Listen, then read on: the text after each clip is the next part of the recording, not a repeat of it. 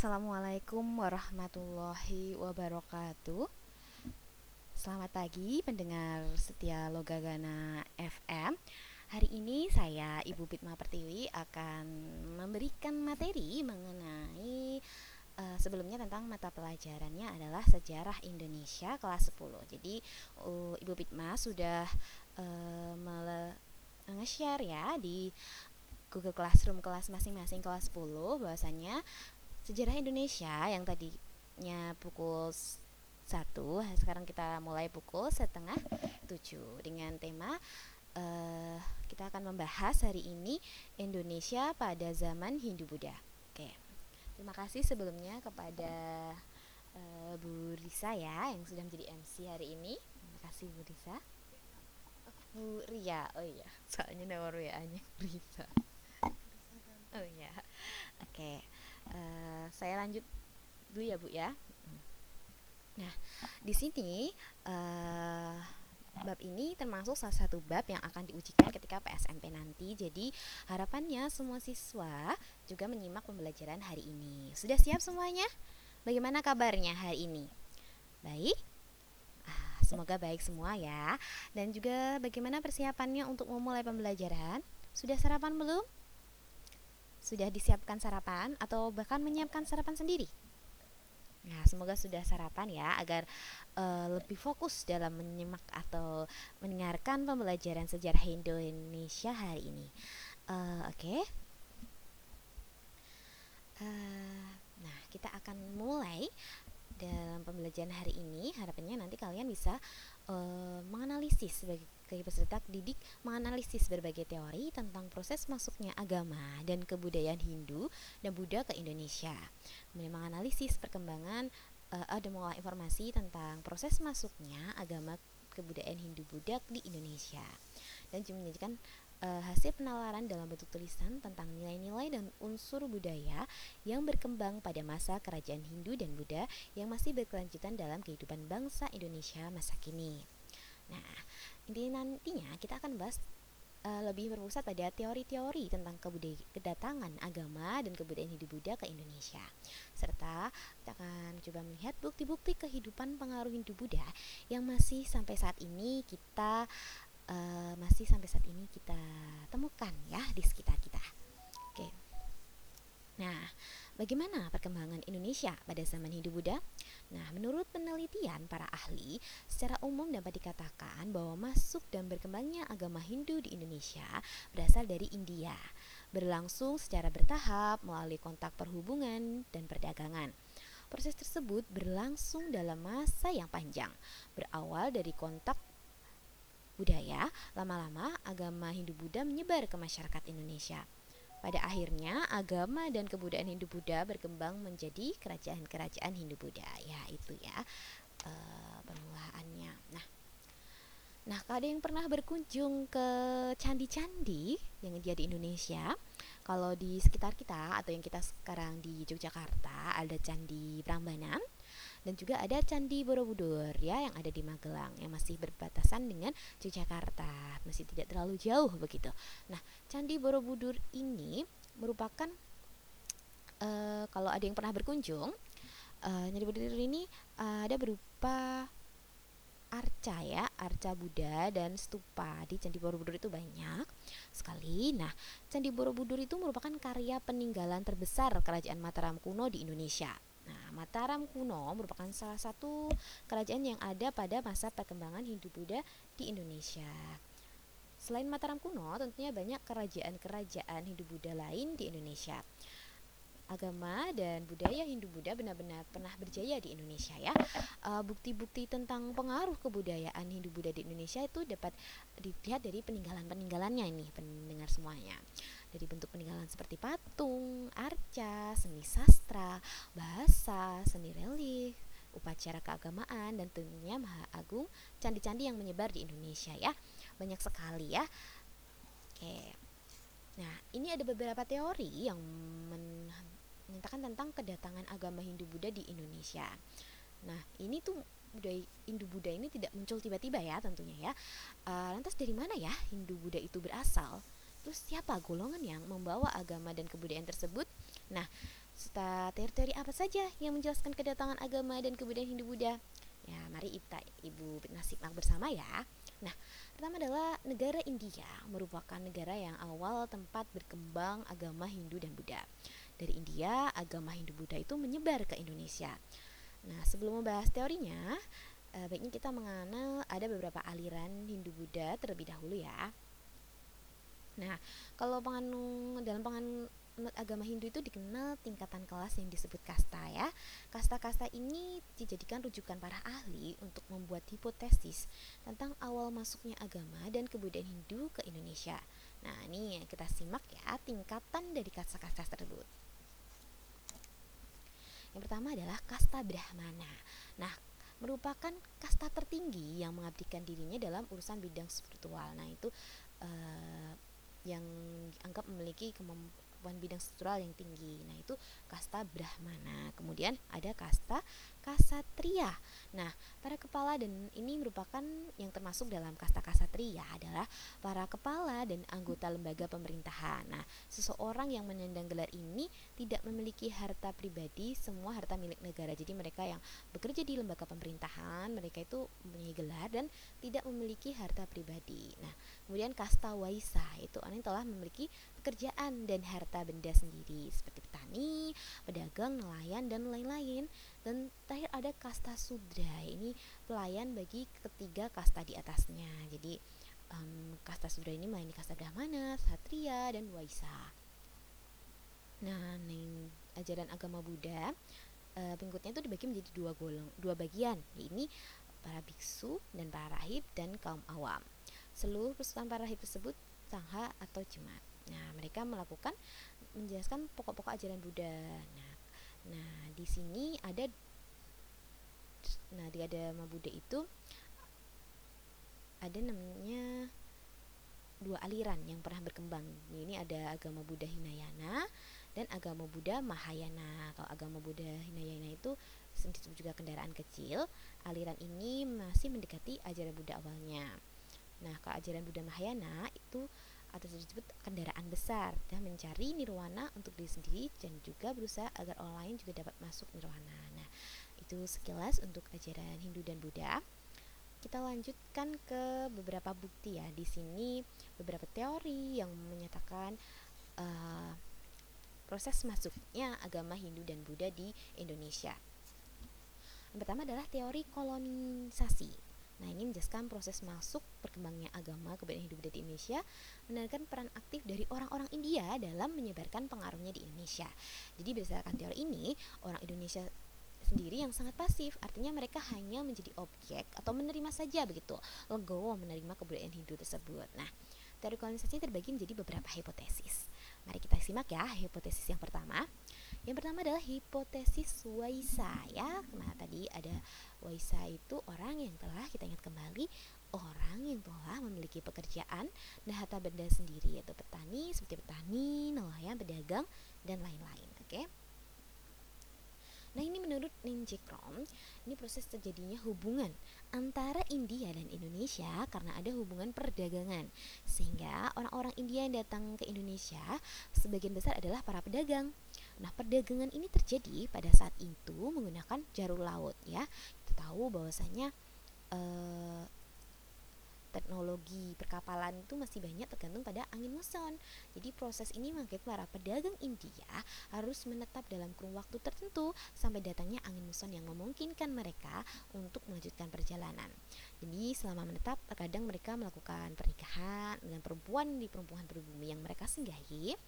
Nah, mulai dari sini pengaruh India menyebar dan menyerap dalam kehidupan masyarakat di Indonesia. Nah, pendapat Krom ini didasarkan pada uh, ini juga terjadi ya pada proses islamisasi yang itu kalau kalian tahu itu ada pedagang Gujarat juga melakukan proses islamisasi dengan hal berikut. Nah, namun teori ini tuh memiliki kelemahan. Kenapa? Karena pedagang ini masuk uh, kasta Waisa itu tidak menguasai bahasa Sangsekerta dan huruf Palawa yang umumnya hanya dikuasai oleh kasta Brahmana. Hal itu munculkan bahwa padahal di sini ditemukan prasasti-prasasti yang dikeluarkan oleh negara-negara kerajaan Hindu-Buddha di Indonesia itu sudah menggunakan uh, bahasa Sanskerta dan berhuruf Pallawa. Jadi ini di, ini menjadi kelemahan dari teori Waisa ini ya. Jadi timbul pertanyaan begitu, mungkinkah para pedagang India mampu membawa pengaruh kebudayaan yang sangat tinggi ke Indonesia, sedangkan di daerah sendiri kebudayaan tersebut hanya milik kaum Brahmana, ya itu kemampuan untuk uh, memahami, menguasai bahasa Sanskerta dan huruf Pallawa tadi ya. Jadi jadi kelemahan dari hipotesis ini itu uh, melihat bahwa persebaran dari kerajaan-kerajaan Hindu-Buddha di Indonesia itu lebih banyak berada di pedalaman. Namun pengaruh tersebut itu dibawa oleh para pedagang India. Tentunya pusat kerajaan Hindu-Buddha akan lebih banyak berada di pesisir pantai kalau misalnya hipotesis dari Waisa ini. Nah, nah kita lanjut ke hipotesis Kasatria ya. Oke. Hipotesis Kasatria dalam teori Kasatria itu penyebaran agama dan kebudayaan Hindu-Buddha di Indonesia pada masa lalu dilakukan oleh galangan Kasatria. Ya, kembali golongan Kasatria apa ya tadi? Ya, kasta Kasatria adalah para kepala dan anggota lembaga pemerintahan. Mereka yang bekerja, punya gelar, ya walaupun tidak memiliki harta pribadi karena semua harta milik negara. Nah, nih hipotesis Kasatria ini itu penyebaran Hindu Buddha itu tidak lepas itu dari sejarah kebudayaan India pada periode di awal e, periode yang sama seperti diketahui pada awal abad kelima Masehi kerajaan-kerajaan India mengalami keruntuhan karena perebutan kekuasaan jadi saling berebut kekuasaan begitu penguasa-penguasa dari golongan ksatria di kerajaan-kerajaan itu kalah perang pada masa itu dan dianggap melarikan diri ke Indonesia. Jadi mereka saling berebut kekuasaan, terus ada yang kalah begitu, terus mereka melarikan diri ke Indonesia. Nah, kemudian e, menurut hipotesis ini, mereka itu mendirikan koloni dan kerajaan-kerajaan baru yang bercorak Hindu-Buddha.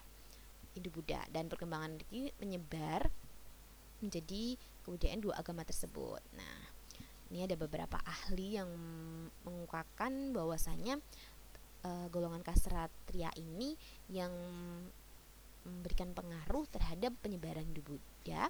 Ini ada C.C. Burke, juga ada Mukherjee, terus ada Gigi Mons. Nah, nih si Mukherjee mengatakan bahwa saya golongan kasatria atau tentara dari India itu membawa pengaruh di Buddha ke Indonesia, terus membangun koloni ya, yang tadi ya.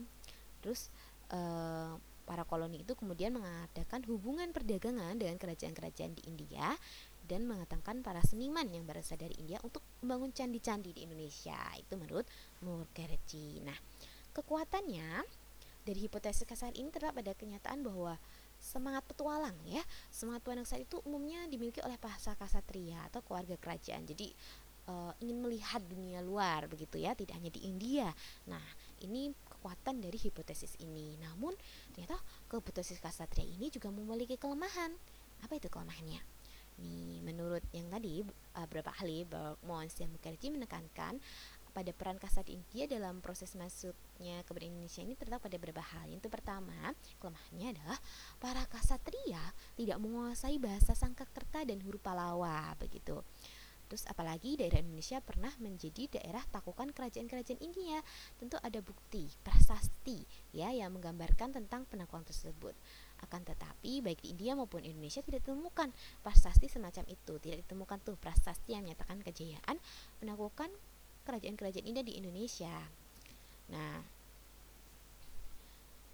Adapun malah ada prasasti Tanjore yang menceritakan tentang penaklukan kerajaan Sriwijaya oleh salah satu kerajaan Chola di India. Tidak dapat dipakai sebagai bukti untuk membuat hipotesis ini karena penaklukan tersebut jadi pada abad ke-11 sedangkan bukti-bukti yang diperlukan harus memberikan pada kurun waktu yang lebih awal. Begitu ya?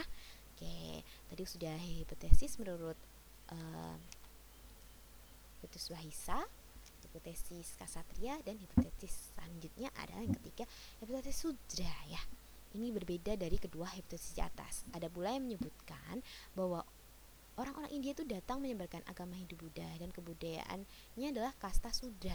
Sebagai kasta terendah yang dianggap dalam agama tersebut, mereka merasa tertindas oleh kasta-kasta lainnya. Oleh karena itu, sebagian dari mereka mengembara dan akhirnya tiba di Indonesia. Seperti kasta-kasta lain, kasta Sudra juga membentuk pemukiman-pemukiman. Jadi membentuk pemukiman-pemukiman dan menjalin hubungan dengan masyarakat setempat begitu. Nah, lambat laun karena mereka membuat pemukiman berhubungan dengan masyarakat setempat, lambat laun terjadi akulturasi kebudayaan di antara keduanya. Dari akulturasi tersebut, banyak kosakata dari bahasa Tamil atau Dravida dari Om Dravida itu terserap ke dalam bahasa Indonesia. Di antaranya kata belanga, kedai, pendekar, dan kuil dan masih banyak lagi. Nah, teori kolonisasi ini diperkuat dengan adanya pemukiman-pemukiman orang India yang tersebar di beberapa kota pelabuhan di Pulau Jawa, Sumatera, Kalimantan, dan Sulawesi. Nah, pemukiman-pemukiman eh, sebut disesuaikan dengan daerah mereka di India antara lain pemukiman Keling namanya tuh Sanghala, Anyaka, Pandika dan Dravida. Namun hipotesis sudah ini punya banyak kelemahan sebegini terdengar semuanya. Jadi bagaimana mungkin golongan kasta paling yang dianggap ya yang dari itu tidak berpengetahuan apa pun mengemban tugas suci untuk menyebarkan agama Hindu. Ada banyak kosakata dan pengumuman India beberapa daerah itu yang mungkin ada setelah masuknya agama Hindu Buddha. Jadi di hipotesis sutra ini begitu ya. Jadi juga memiliki kelemahan. Nah, tadi adalah teori kolonisasi. Terus ada lagi teori non kolonisasi. Nah, pendapat keduanya ini bahwasanya masyarakat Indonesia bersikap aktif ya. Mereka berangkat ke India untuk mempelajari agama dan kemudian India kemudian kembali menyebarkan kepada masyarakat lainnya. Nah, uh, teori kolonisasi awalnya ini diterima banyak pihak, namun kemajuan-kemajuan penelitian ini menjadi teori ini menjadi lemah. Nah, salah satu tokohnya yang keberatan adalah J.C. Leer yang mengaku sebagai pencetus teori non kolonisasi. Nah, apa sih keberatan dari Van Leer ini? Nah, didasarkan pada alasan-alasan berbagai berikut nih. Yang pertama adalah setiap kolonisasi biasanya didahului dengan penaklukan-penaklukan. Nah, penaklukan yang berlanjut dengan bentuknya kolonisasi biasanya dicatat sebagai suatu peristiwa kemenangan. Catatan tersebut sama sekali tidak ditemukan nih di Indonesia maupun di India. Nah, selanjutnya keberatan dari Van Leer yaitu Van Leer adalah terbentuknya sebuah kolonisasi biasanya disertai dengan pemindahan segala unsur budaya dari negara asalnya. Misalnya, sistem pembagian kasta, bentuk rumah, tata kota, dan bahasa pergaulan. Namun pada kenyataannya, ternyata unsur-unsur budaya bangsa Indonesia berbeda dari India. Tidak dapat dipungkiri bahwa pedagang-pedagang India itu memang banyak yang menetap, tetapi pemukiman mereka hanya berupa perkampungan-perkampungan khusus sehingga mas sehingga sekarang masih ada. Nah, Nah, antara hubungan orang-orang India itu dengan penguasa setempat hanya sebatas pada kegiatan perdagangan. Dan demikian mereka tidak dapat diharapkan melakukan pengaruh budaya yang membawa perubahan-perubahan dalam bidang ketatanegaraan maupun agama. Tapi walaupun Walini berpendapat demikian, ia juga mengakui nih bahwa unsur-unsur budaya India memang terdapat pula dalam bahasa Indonesia. Nah, ini cenderung bahwa masuknya budaya India ke Indonesia itu dibawa oleh kasta Brahmana. Jadi Leer ya, itu dia lebih setuju kalau uh, masuknya budaya Hindu Buddha eh, budaya India ke Indonesia itu dibawa oleh kasta Brahmana ya. Apa kasta Brahmana tadi? Masih ingat? Kasta Brahmana itu yang tadi ya, betul sekali merupakan kasta tertinggi yang mengabdikan diri dalam jurusan bidang spiritual. Oke. Nah, karena itu maka hipotesis ini disebut dengan hipotesis Brahmana. Ulama itu datang atas undangan para penguasa setempat. Dalam perkembangan selanjutnya, orang Indonesia juga pergi juga ke India untuk mempelajari agama dan budaya masyarakat India. Nah, nah tadi ada Van Leer yang dia lebih setuju kalau uh, kaum Brahmana yang membawa pengaruh Hindu Buddha ke Indonesia. Nah, beda lagi dengan uh, ada tokoh lain, maksudnya ada tokoh lain yang menganggap teori kolonisasi ini yang setuju. Ada Profesor Dr. F. Dika Potts. Nah, dia mengatakan dalam penelitiannya uh, ini berpendapat bahwa yang membawa budaya India ke Indonesia itu adalah golongan cendikiawan atau proses percampuran budaya India dengan Indonesia yang menyebutkan dengan istilah penyuburan. Nah, ada dua jenis penyuburan, yaitu yang pertama para biksu atau kaum brahmana dan kaum Brahmana. Dari pengenalan budaya India kepada masyarakat Indonesia mula-mula oleh para biksu agama Buddha. Mereka menyebarkan ke berbagai negara melalui jalan yang dirintis oleh para pedagang. Misalnya melalui celah Kaiber, sebagian akhirnya tiba di Tibet, Burma, Kamboja, Indochina, dan Indonesia. Menurut uh, book ini dalam book ini dalam perkembangannya uh, mengalami proses uh, terjadinya gejala arus balik. Wah, apa itu arus balik ya? Pemudik arus balik ya. Ini para biksu dari negara-negara tersebut yang akan pergi ke Indonesia, ke India, bepergian mereka ke India karena diundang ataupun atas inisiatif sendiri mendalami agama yang dianutnya. Nah, jadi biksu-biksu yang tadinya belajar di India mengajarkan kembali ke negaranya. Nah, khususnya mengenai seni budaya nih, agama Buddha tidak banyak terpengaruh ya Kedatangan para biksu ini maupun hasil dari arus balik tidak menghasilkan suatu seni budaya agama di negara-negara lain. Nah, dan pihak kedua tadi ada biksu dari agama Buddha ini ada pihak kedua yang mengenalkan budaya India kepada masyarakat Indonesia adalah pendeta agama Hindu atau Brahmana. Jadi para Brahmana agama Hindu itu tidak dibebani kewajiban menyiarkan agama danutnya. Nah, berbeda dengan kewajiban dari biksu Buddha yang menyiarkan agama Buddha. Nah, ya. Lalu gimana nih agama Hindu bisa berkembang di negara Indonesia? Nah, untuk menjawab pertanyaan tersebut, cukup penjelasan berikut ya. Jadi masing-masing sistem memiliki tingkat ketaatan yang berbeda-beda tergantung hasil penasiran mereka terhadap kitab suci Weda. Ya, dari kelebihan-kelebihan tadi, Para Brahmana dari India ini mendapat kedudukan yang terhormat di kalangan masyarakat Indonesia. Mereka dihormati karena menjadi penasihat bagi para penguasa. Mereka tidak hanya menjadi penasihat dalam hal keagamaan, tetapi juga mengenai pemerintahan, peradilan, perundangan dan sebagainya. Nah, itu beberapa teori ya. Uh, teori Brahmana ini juga cukup kuat dengan karena kaum Brahmana itu juga mengenal namanya apa tadi bahasa sang sekerta ya. Ya betul sekali. Ada teori arus balik. Nah menurut kalian bagaimana nih dari teori-teori tersebut mana yang menurut kalian paling mengkuat pengaruhnya ya silakan kalian beri tanggapan boleh silakan di kolom komentar bisa di kolom komentar ya di kalau yang pakai streaming bisa ditulis di situ message di situ ya nanti kita bisa bacakan ya oke Oke, sudah sekitar 22 menit. Nanti kita lanjutkan kembali. Kita dengarkan dulu lagu-lagu agar kalian lebih semangat, oke? Nah, kita dengarkan lagu-lagu mungkin untuk hari ini untuk membuat kalian lebih semangat. Oke, kembali lagi ke sama Ibu Pikma. Bagaimana? Sudah refreshing kembali? sudah siap lanjutkan materi hari ini. Nah, tadi kita sudah menyimak ya eh, teori-teori teori-teori yang eh, teori-teori penyebaran masuknya Hindu Buddha yang di ada beberapa hipotesis-hipotesis tadi ya.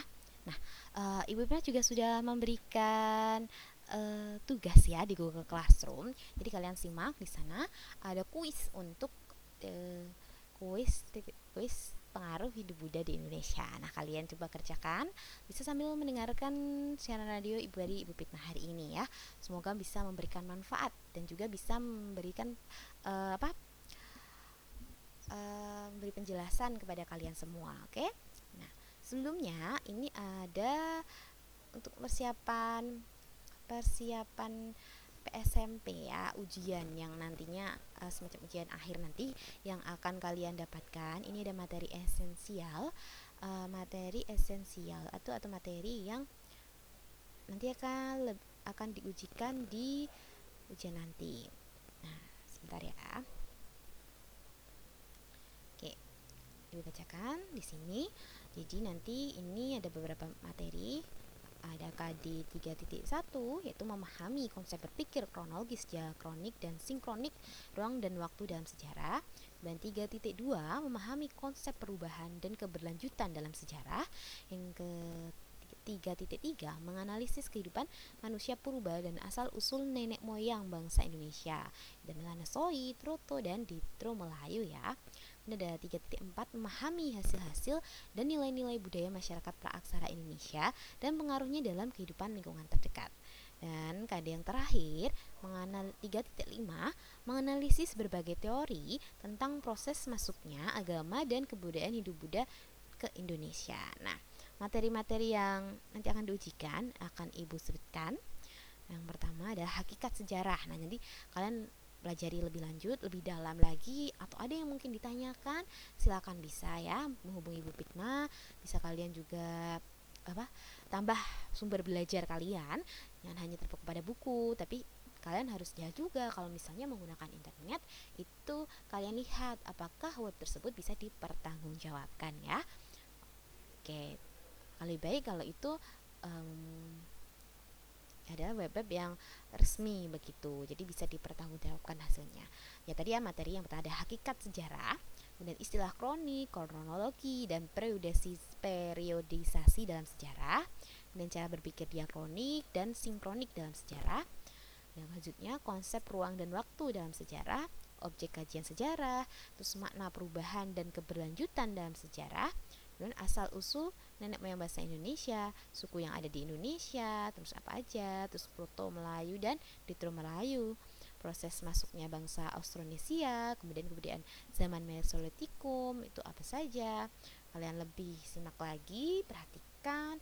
Nah, kalian bisa juga bikin ringkesan gitu ya untuk uh, yang menarik. Jadi kalian kalian sambil baca-baca begitu tentu akan lebih uh, kalian mudah pahami harapannya. Kemudian pembabakan masa praaksara.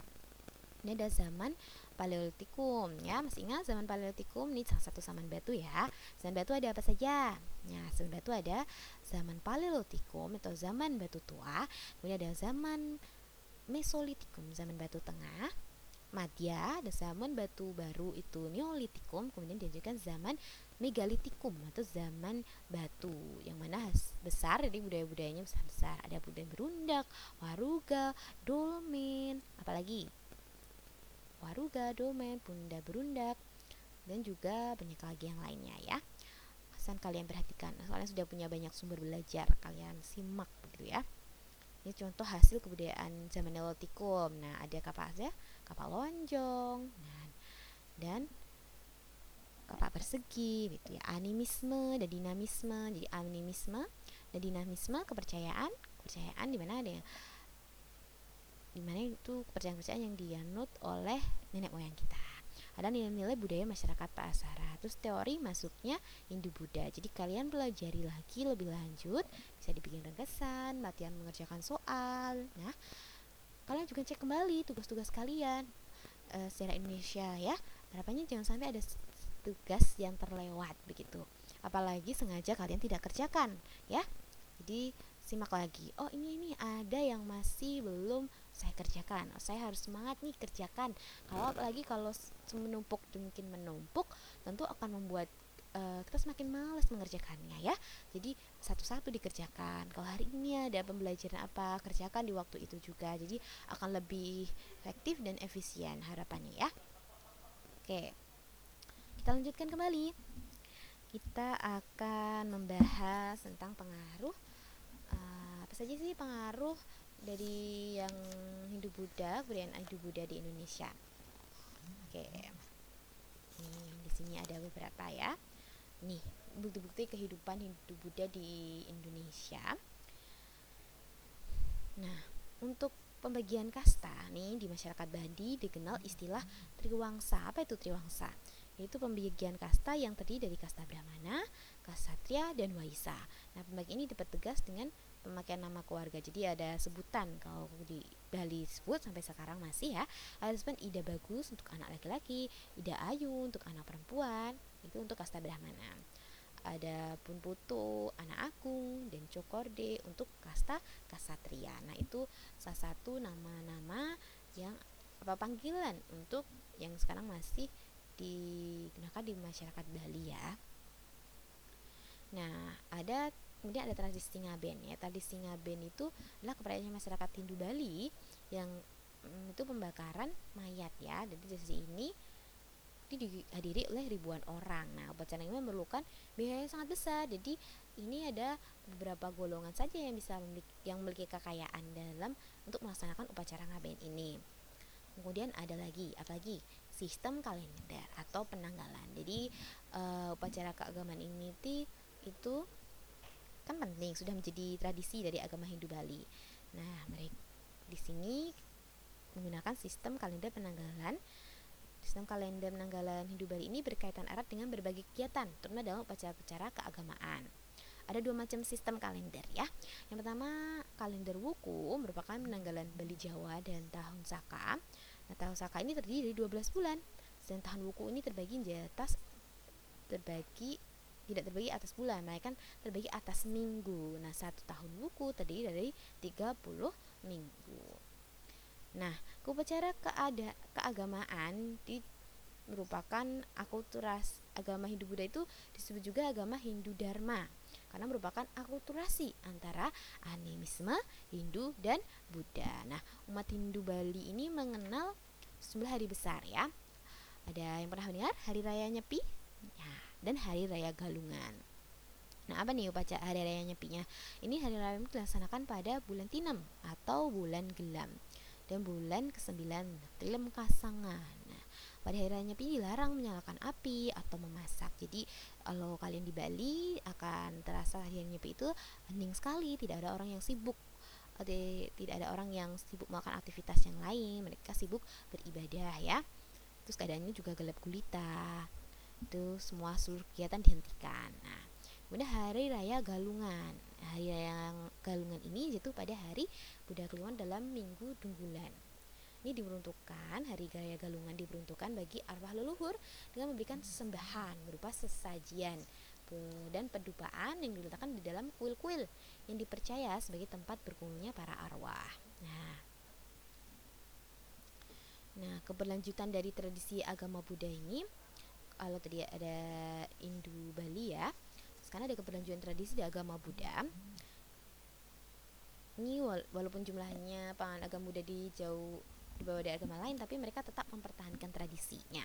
Nah, keberlanjutan tradisi agama Buddha dapat dilihat dari adanya wihara-wihara, tempat peribadatan umat Buddha. Wihara-wihara umumnya terdapat di kota-kota besar di Jakarta, Tangerang ya. Sebagai agama Buddha yang penting adalah hari raya Waisak. Nah, perayaan Hari Waisak selain diadakan di wihara-wihara, biasanya dipusatkan di Candi Borobudur yang dihadiri oleh para biksu dari berbagai negara. Jadi ketika Hari Waisak, Borobudur itu digunakan sebagai uh, tempat upacara ya. Itu bisu-bisu dari seluruh negara di dunia itu datang berbondong-bondong menuju ke Candi Borobudur. Nah, kemudian selanjutnya ada seni membuat bangunan atau arsitektur. Nah, sebelum kedatangan Hindu Buddha di masyarakat Indonesia itu dikenal dengan masa megalitikum ya. Megalitikum itu teknologi membuat bangunan dari batu dan bangunan-bangunannya cukup besar yang sampai sekarang juga masih ada, bisa kita lihat kalau kita berkunjung ke situs-situs budaya. Nah, ada berupa apa? Ada punden berundak, menhir, tadi ya, sarkofagus, kubur peti batu, dan patung sederhana. Nah, setelah masuknya agama dan kebudayaan hidup Buddha, masyarakat Indonesia mengadopsi dan mengadaptasi teknologi seni bangunan ini ya tadi seperti candi, stupa, karaton, makara yang memiliki seni hias dan teknologi arsitektur yang lebih beragam. Nah, seniman arsitektur Indonesia ini menguasai kalian dalam membangun candi. Nah, maka lama-kelamaan pembangunan candi itu disesuaikan dengan kebudayaan lokal yang telah berkembang di Indonesia. Nah, sejak awal ketiga, abad ke-13, seni arsitektur candi telah memiliki gaya dan bentuk sendiri ya.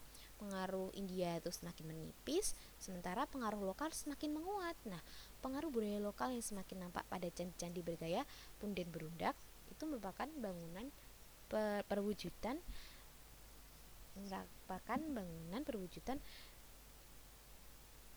ini di pada zaman Majapahit ya akhir ada ada candi sukuh di Kabupaten Karanganyar. Kalau kalian bisa lihat di misalnya di Google kalian penampakan dari candi sukuh itu eh, nampak di Karanganyar ini tuh e, bentuknya mirip sekali dengan buntin berundak ya.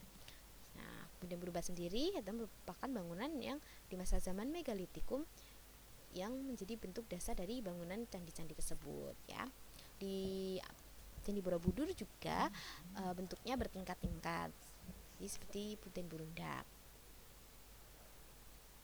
nah selanjutnya ada seni arca dan relief. Nah seni arca sendiri apa arca itu? Ya arca ya cancam patung ya. Nih, di patung-patung dewa dalam agama Hindu uh, merupakan peninggalan sejarah Indonesia. Antara lain ada arca batu Brahmana, arca perunggu Siwa, Mahadewa, dan arca batu Wisnu. Sementara arca-arca di Prambanan di antara arca Loro Jonggrang dan arca Ganesha ya itu dewa yang berkepala bajah sebagai dianggap sebagai dewa ilmu pengetahuan. Nah, patung-patung tersebut dibuat oleh seniman dan pemahat handal yang termasuk kasta Waisa ya. Jadi arca patung dibahat membentuk makhluk tertentu. Nah, biasanya manusia atau binatang yang tujuannya untuk mengabadikan tokoh-tokoh yang dipatungkan. Nah, biasanya patung itu disimpan dalam bilik candi sebagai penghormatan terhadap dewa. Ada kalanya sebuah patung itu merupakan simbol pewujudan raja yang meninggal sebagai dewa atau titisan dewa yang dipuja. Misalnya patung Tribuana sebagai Parwati atau Kertanegara sebagai Siwa. Nah, nah seni relief. Nah, masuknya agama dan kebudayaan hidup Buddha juga berpengaruh terhadap seni rupa ya, khususnya seni pahat dan seni ukir patung dan relief. Seni pahat atau ukir umumnya berupa hiasan-hiasan dinding candi dengan tema suasana Gunung Mahameru yang dianggap sebagai tempat kediaman para dewa. Nah, relief pada candi di Jawa Tengah berbeda dengan relief candi Jawa Timur. Nih, apa ini perbedaannya ya? Relief candi-candi di Jawa Tengah itu bersifat natural, artinya bentuk pahatan terbentuk dua dimensi dan menyerupai bentuk aslinya. Karakteristik Candi-candi di Jawa Timur, seperti yang terdapat pada Candi Jawi dan Candi Penataran, tampak lebih pipih seperti bentuk wayang kulit. Berarti semuanya sudah pernah dah melihat wayang kulit ya. Nah, hal ini itu jadi kita mengingatkan kita bahwa sama paman prasara yaitu pemujaan terhadap arwah nenek moyang.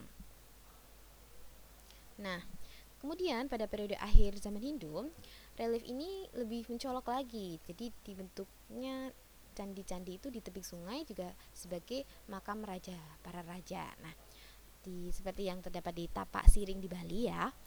Nah, peralihan karakteristik candi ini menunjukkan bahwa semakin besar pengaruh budaya asli Indonesia terhadap ragam hias candi. Jadi dapat disimpulkan bahwa masyarakat Indonesia itu semakin percaya diri untuk menampilkan corak seni budayanya sendiri ya. Nah, apalagi karang ya kita di zaman ini yang semakin modern, semakin mudahnya kita mengakses uh, apa berbagai sumber pembelajaran dan juga kita bisa mengapresiasi karya kita tentu kita harus lebih percaya diri ya dengan menghasilkan karya-karya yang akan memberikan apa ya kebanggaan dan juga apalagi kalau karya-karya tersebut bisa bermanfaat untuk orang banyak. Nah bisa memberikan inspirasi begitu. Jadi kalian juga sebagai generasi muda, ibu harapkan terus bisa berkarya di tengah pandemi ini harapannya tetap kalian tetap percaya diri, tetap semangat belajarnya dan juga terlalu fokus untuk mengejar cita-cita kalian ya. Oke. Kembali ke pembelajaran. Jadi relief Candi Buddha itu seperti dapat pada Candi Borobudur itu menggambarkan hidup Siddhartha Sang Buddha yang terdapat dalam kitab Lalita Wistara ada pula relief yang berkisah tentang legenda dan fabel dari India. Namun walaupun demikian nih ya, pada relief Candi Borobudur itu tampak unsur-unsur budaya asli Indonesia itu lebih dominan. Jadi suasana kehidupan yang digambarkan oleh relief tersebut itu adalah suasana kehidupan masyarakat dan keadaan alam asli Indonesia. Jadi uh, terlihat di lukisan rumah panggung dan relief burung merpati dan lain-lain itu juga terdapat hiasan perahu bercadik yang merupakan perahu khas Indonesia. Ragam hias tersebut tidak pernah ditemukan nih pada candi-candi di India. Jadi uh, banyak ciri khas-ciri khas dari Indonesia sendiri. Tadi ya perahu jadi burung merpati yang tidak ditemukan di India. Bahwa ini menunjukkan bahwa semakin menonjolnya dan percaya dirinya e, bangsa kita saat itu untuk membuat relief karya seni seni rupa yang menonjolkan seni budaya dari bangsa Indonesia sendiri ya. Oke. Maksudnya adalah bangsa Sangsekerta dan huruf Palawa ya tadi uh, penggunaan bahasa Sanskerta di itu padahalnya udah banyak ditemukan di prasasti ya, prasasti yang ada abad 5 sampai 7 Masehi. Seperti pada prasasti Yupa dari Kutai dan prasasti-prasasti peninggalan Tarumanegara. Tapi tahap perkembangan selanjutnya, bahasa Sanskerta digantikan bahasa Melayu kuno yang tergantikan pada peninggalan kerajaan Surijaya 7 sampai 13 Masehi. Jadi e, mulai kerajaan Surijaya itu ada dan muncul, mereka terjadi perubahan bahasa menggunakan bahasa Melayu kuno. Nah, karya sastra karya sastra juga mulai uh, muncul ya pada zaman ini, zaman Hindu Buddha ini. Dan bahasa Sanskerta ya tadi bisa dilihat digunakan dalam prasasti, yupa, kitab suci, kitab undang-undang dan karya sastra. Bahkan nih dari bahasa Indonesia pun menyerap kata-kata dari bahasa Sanskerta apa saja. Ada yang tahu? Nah, misalnya adi artinya utama atau pertama, budi artinya akal, citra, gambar dirgahayu itu di bahasa Sanskerta juga yang artinya panjang umur pasca tuh setelah dan tirta air nah banyak lagi ya bahasa dari bahasa Indonesia yang menyerap dari kata-kata bahasa Sanskerta ada juga dari seperti pustaka, kata karya, sastra, dan juga semboyan-semboyan ya. Nah, itu banyak yang berasal dari bahasa Sanskerta. Oke. Nah, Nah, kalau perkembangan aksara, kalau sebelumnya pada bab sebelumnya kita belajar uh, kehidupan praaksara atau kehidupan sebelum adatnya tulisan. Nah, di ini perkembangan aksara di Indonesia tuh pada mulanya menggunakan huruf Palawa. Nah, perkembangan huruf ini menurunkan huruf Jawa kuno. Nah, tadinya menggunakan huruf Jawa kuno pada prasasti Dinoyo di Malang. Kemudian menurun huruf Hana Coroko digunakan Hana Caraka yang digunakan bahasa Jawa, Sunda, dan Bali. Nah, sementara itu wilayah lain muncul turunan aksara pa, aksara Palawa dengan corak tersendiri. Nah, banyak sekali. Oke, nah itu ya tadi ya perkembangan dari segi uh, penggunaan bahasa Sanskerta dan huruf Pahlawa. Dan juga berkali jika ada dan juga seni sastra dan seni pertunjukan itu juga terpengaruh dan budaya Hindu Buddha ada seni sastra di sini ada banyak kisah-kisah cerita yang kesustraan dari India yang masuk ke Indonesia mengandung nilai-nilai ya apa saja ada bicarita atau kisah kepahlawan India yang terkenal luas dan banyak mempengaruhi kehidupan masyarakat budaya Indonesia. Pasti kalian pernah mendengar cerita Mahabharata dan Ramayana ya. Ini juga bahkan difilmkan gitu. Nah, kedua wira cerita itu terdapat dalam kitab Mahabharata yang ditulis oleh Resi Wiyasa Dwipayana dan kitab Ramayana yang ditulis oleh Resi Walmiki. Nah, kitab-kitab pesanan Hindu Buddha disadur kembali oleh pujangga-pujangga Indonesia ke dalam bahasa Jawa kuno. Nah, ini misalnya di sini ada kisah Barata Yuda yang disadur oleh Puseda dan Empu Panuluh dari kitab Mahabharata. Pada kisah Bharata Yuda tidak menceritakan perang antara Pandawa dan Kurawa, melainkan menceritakan kemenangan Joyoboyo dari Kediri melawan Jeng Gala. Jadi kisahnya disesuaikan dengan kisah di Indonesia. Dan dalam kisah Mahabharata juga terdapat unsur Indonesia asli dengan adanya penambahan tokoh-tokoh punakawan yaitu Semar, ada Semar, Bagong, Gareng, Petro. Nah, tokoh-tokoh punakawan ini sering kali dikisahkan tampil sebagai penyeimbang atau mampu menaklukkan dan memberikan nasihat kepada tokoh-tokoh dalam kesusastraan Hindu. Jadi banyak sekali punakawan itu tidak ditemukan nih di, di uh, kisah Mahabharata di India.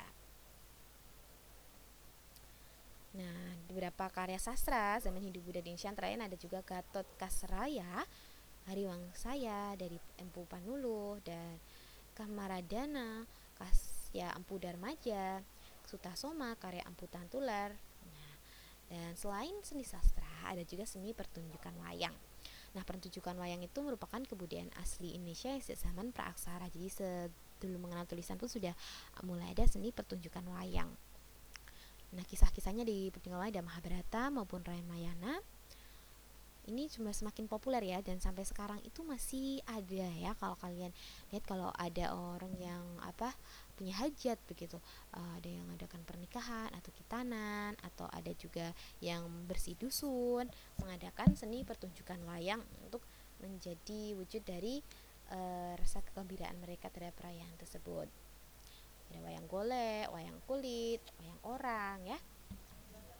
Nah, pada masa Hindu Buddha ini, kebudayaan itu pertunjukan wayang ini tuh dilanjutkan dan lebih berkembang lagi cerita-ceritanya, lebih kaya begitu. Nah, sebagian besar itu menampilkan kisah-kisah dalam di India ya, terutama ekspos cerita tentang Ramayana dan Mahabharata. Namun tetap ya, kisah-kisah itu disajikan dalam kisah pewayang karakteristis yang sama dengan kisah semistasta yang dimasukkan tokoh-tokoh baru yang kita kenal yang disebutkan punakawan tadi. Apa saja? Ada Bagong, Petro, dan Gareng.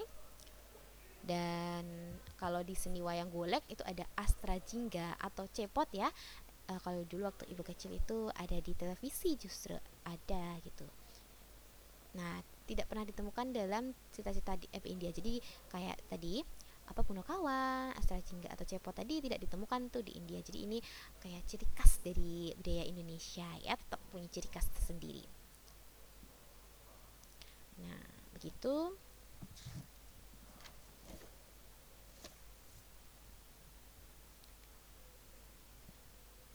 Nah, ini walaupun banyak kerajaan hidup di Indonesia,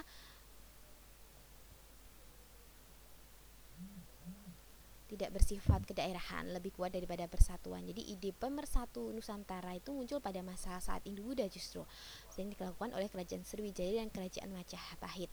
Nah, ide besar tersebut itu juga harus kita miliki ya sebagai generasi muda untuk jangan sampai kita terpecah belah uh, karena terlalu tingginya rasa kedarahan. Uh, harapannya Indonesia semakin terus bersatu, terus menjadi bangsa yang hebat, bangsa yang selalu menjunjung Bhinneka Tunggal Ika, yang selalu bersama-sama saling uh, membantu untuk mewujudkan Indonesia yang lebih baik dan lebih maju begitu. Nah, perkembangan agama ini tidak hanya pengaruh dalam bidang sosial budaya ya, tapi sistem politik di Indonesia itu juga diwarnai oleh pengaruh Hindu Buddha. Ini ditandai dengan berdirinya kerajaan-kerajaan ya. Kerajaan Kutai merupakan kerajaan pertama yang memiliki corak Hindu Buddha. Nah, keberadaan Kutai tadi dibuktikan dengan tujuh buah yupa yang memuat sisilah kerajaan Kutai dan sistem pemerintahan yang dijalankan. Jadi, ketika tadinya uh, Indonesia itu belum mengenal namanya raja sebagai pemimpin tertinggi begitu.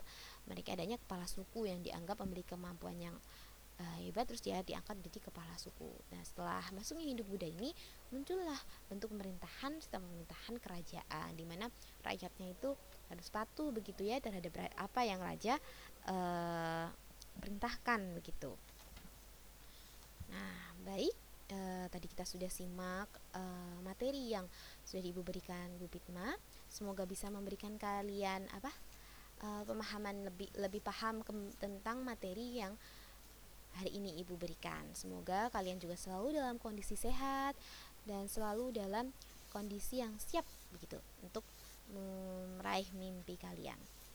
Oke, siap menjadi Eh, manusia-manusia uh, yang kuat. Oke. Sebelum ibu akhiri kita dengarkan dulu sebuah lagu dari Tulus yaitu Manusia Kuat.